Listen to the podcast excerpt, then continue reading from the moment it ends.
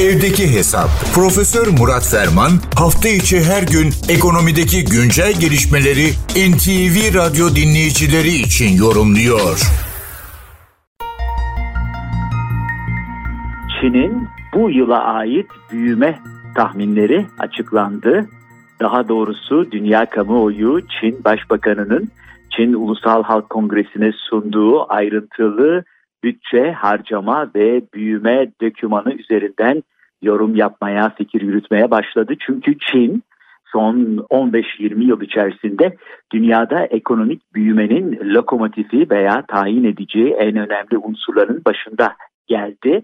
Hatırlanacağı üzere Başkan Xi'nin görevi devralmasıyla birlikte Çin'in her sene 8,5-9'luk hatta neredeyse 10 ve üzeri çift hanelerle flört eden büyümesinin aslında sürdürülebilir olmadığı, kalitesiz bir alt kırıma sahip olduğu, dolayısıyla Çin'in başkalarının veya batılı çevrelerin kendi deyimleriyle onlara empoze ettiği şekilde onların istediği tarzda ham madde ve diğer talep kaynaklarını oluşturarak değil ve fakat e, daha dengeli, daha sağlıklı ve dahi çevreyi koruyucu veya çevre tahribatını en aza indirici şekilde 5,5-6'lık istikrarlı bir büyüme trendine tekrar dönüş yapması gerektiği ifade edildi.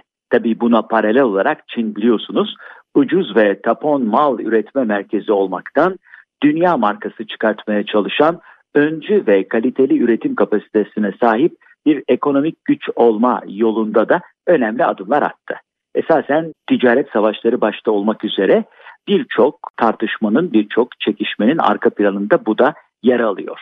Anlaşılıyor ki Çin özellikle büyüme dostu olmayan 2023 yılında da iddialı bir hedefle dünya ekonomisinin, dünya kamuoyunun karşısına çıkıyor. Tabii büyüme önemli. Geçtiğimiz yıl içerisinde Türkiye ekonomisi de 5.6'lık bütün beklentileri aşan önemli bir manşeti yakaladı. Fakat büyümede elbette manşet kadar bunun alt kırımları ve belirli kriterler bakımından değerlendirilmesi, test edilmesi, dayanıklılığının, kalitesinin adeta yeniden sınava tabi tutulması gerekiyor. Büyüme söz konusu olduğunda elbette irileşmeyle karıştırmamak gerekiyor. İrileşme daha ziyade kof bir büyümeye işaret ediyor. Biz örneğin evlatlarımızın hiçbir zaman kof bir irileşmesine razı olmayız. Onların gürbüz, robüst, güçlü bir büyüme kaydetmelerini veya bu şekilde hayatlarına devam etmelerini arzularız.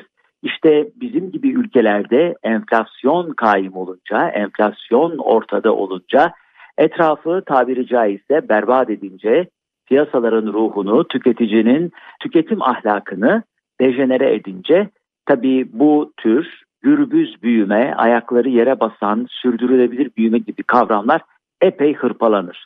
Hani hırpalansa neyse de belki ayakları yerden dahi kesilebilir. Esasen büyümenin değişik şekillerde alt kırımlarına bakılarak adeta dayanıklılık testine tabi tutulması lazım. Bir kere büyüme sürdürülebilir mi?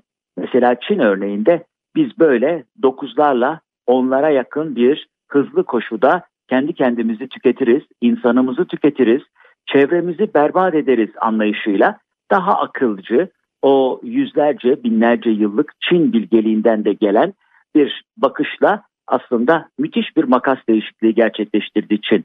Bunun dışında büyümenin kalitesinden bahsediyoruz. Büyümenin derinliğinden bahsediyoruz.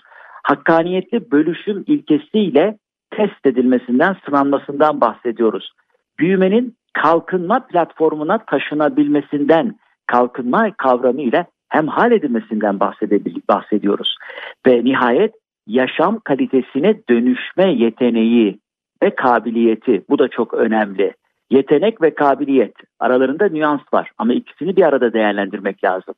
Hani bizim coğrafyamızda bizlere miras kalan güzel bir söz var. Ben güzele güzel demem, güzel benim olmayınca. Ben büyümeye büyüme demen, ben büyümedin nimetlerinden yararlanmayınca. O zaman aslında büyümenin hakkaniyetli, sürdürülebilir, kaliteli, derinlikli, kalkınma platformuna taşınma yeteneği yüksek olması aslında bir yerde insana er veya geç şu veya bu oranda dokunmasıyla yani yaşam kalitesine olumlu etki sağlamasıyla da test edilmeli, sınanmalı. Deprem felaketi sonrasında dayanıklılık testleri veya bina dayanıklılığından bahsediyoruz. Peki bütün bunların hepsinin aslında temel temelinde yer alan, su basmanında yer alan büyüme kalitesinden, büyüme dayanıklılığından niye söz edilmiyor? Herhalde söz etmenin ve gereği konusunda kafa yormanın zamanıdır. Çünkü hep birlikte zenginleşme ülküsünün bazıları için fakirleşerek büyümek çıkmazına saplanıp kalmasına hiçbir rejim, hiçbir dönem, hiçbir felaket içerisinde dahi müsaade etmek mümkün değildir. Dünya konjonktürü sıkıntılı bir dönemden geçiyor. Ama bu sıkıntılı dönemde dahi Çin gibi ülkelerin nasıl vaziyet ettiklerine bakarak tüm dünya ülkelerinin belki de yeniden derlenip toparlanma, ekonomik büyümenin altını yeniden doldurma, değerlendirme, resmi yeniden çizme zamanıdır. Bu genel bilgi paylaşımı ve değerlendirmeler çerçevesinde değerli dinleyenlerimize katma değeri yüksek ve yüksek katma değerli bir gün diliyor. Huzurlarınızdan hürmetlerle ayrılıyorum. Profesör Murat Ferman'la evdeki hesap sona erdi. Kaçırdığınız bölümleri www.ntvradio.com.tr adresinden dinleyebilirsiniz.